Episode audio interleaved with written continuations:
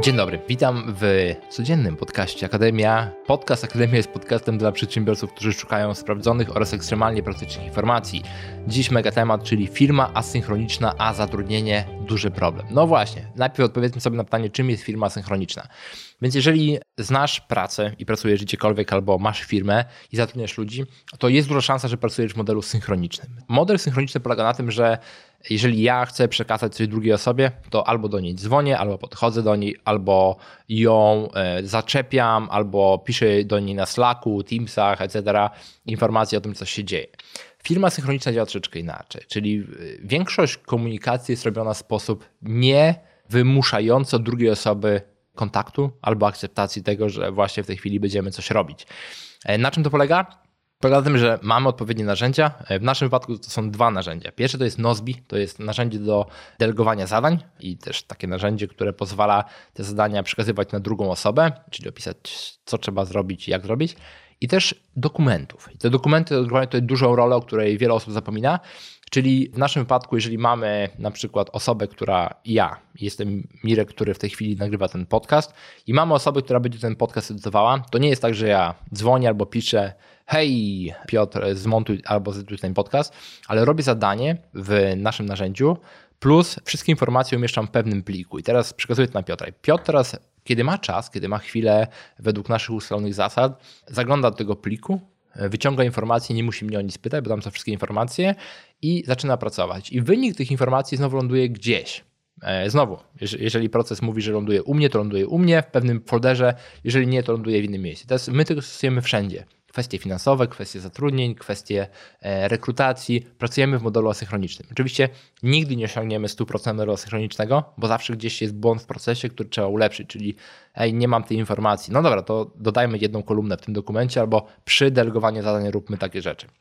I teraz model asynchroniczny jest super pod względem pracy kreatywnej i pracy z dowolnego miejsca. Czyli znowu, jeżeli pracujemy na przykład nad projektem HR-owym albo pracujemy nad projektem finansowym, produkcyjnym, to chcemy się skupić na swoim zadaniu. Czyli wybieramy jedno zadanie z listy, mamy wszystkie dane w tym zadaniu albo w pliku, który otrzymujemy, tam są rzeczy, które do, nas wpadają, siadamy i pracujemy. Nikt do nas nie dzwoni, nic nam nie plumka na monitorze od naszych narzędzi do zadań i tak. Cudowne miejsce.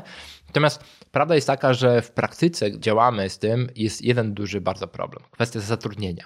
Jest, ludzie są przyzwyczajeni przez e, nasz system edukacji do pracy synchronicznej. Czyli zaczęliśmy edukację, ósma 8.45, chyba tak, 45 minut trwa, trwały lekcje, przynajmniej za moich czasów, 15 minut przerwy, dzwonek, wchodzimy, rozmawiamy i tak dalej, i tak dalej. Praca, pierwsza praca, przychodzimy na dziewiątą, odbijamy się kartą, zebranie w ciągu dnia, na początku dnia i tak dalej. Więc przyzwyczajamy się do pracy synchronicznej, zawsze mamy kontakt z ludźmi i tak dalej.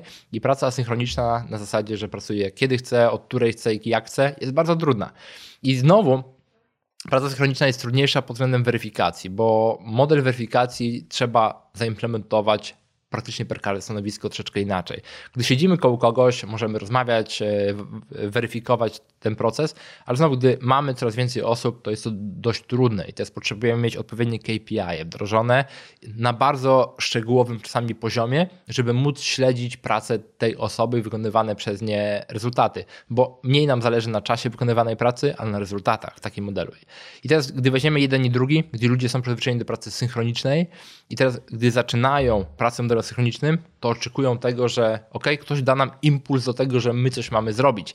Tak naprawdę mamy zbudowany proces i to, co zauważam właśnie, że nie wszystkie osoby są e, zdolne do pracy synchronicznej, potrzebują dużo czasu, żeby się przyzwyczaić, a szczególnie gdy mamy małą firmę, to nie mamy tego tyle czasu, więc przy zatrudnieniu jest to tyle trudne, że ciężko znaleźć osoby, które są w stanie w tym modelu pracować, ale też musimy jako e, przedsiębiorcy dość szybko usuwać ze swojego zespołu osoby, które wiemy, że potrzebują bardzo dużo czasu, żeby się do tego przyzwyczaić. Bo znowu, jeżeli zaczniemy synchronicznie te osoby moderować i działać, no to wychodzimy z modelu asynchronicznego, wchodzimy w synchroniczny i nie jesteśmy w stanie swojego czasu, który powinien być poświęcony na procesy asynchroniczne, tego czasu nie poświęcamy tutaj, poświęcamy go w inne miejsce. Więc znowu jest to dość trudny element, e, natomiast jest ekstremalnie ciekawy, gdy go dobrze wdrożymy.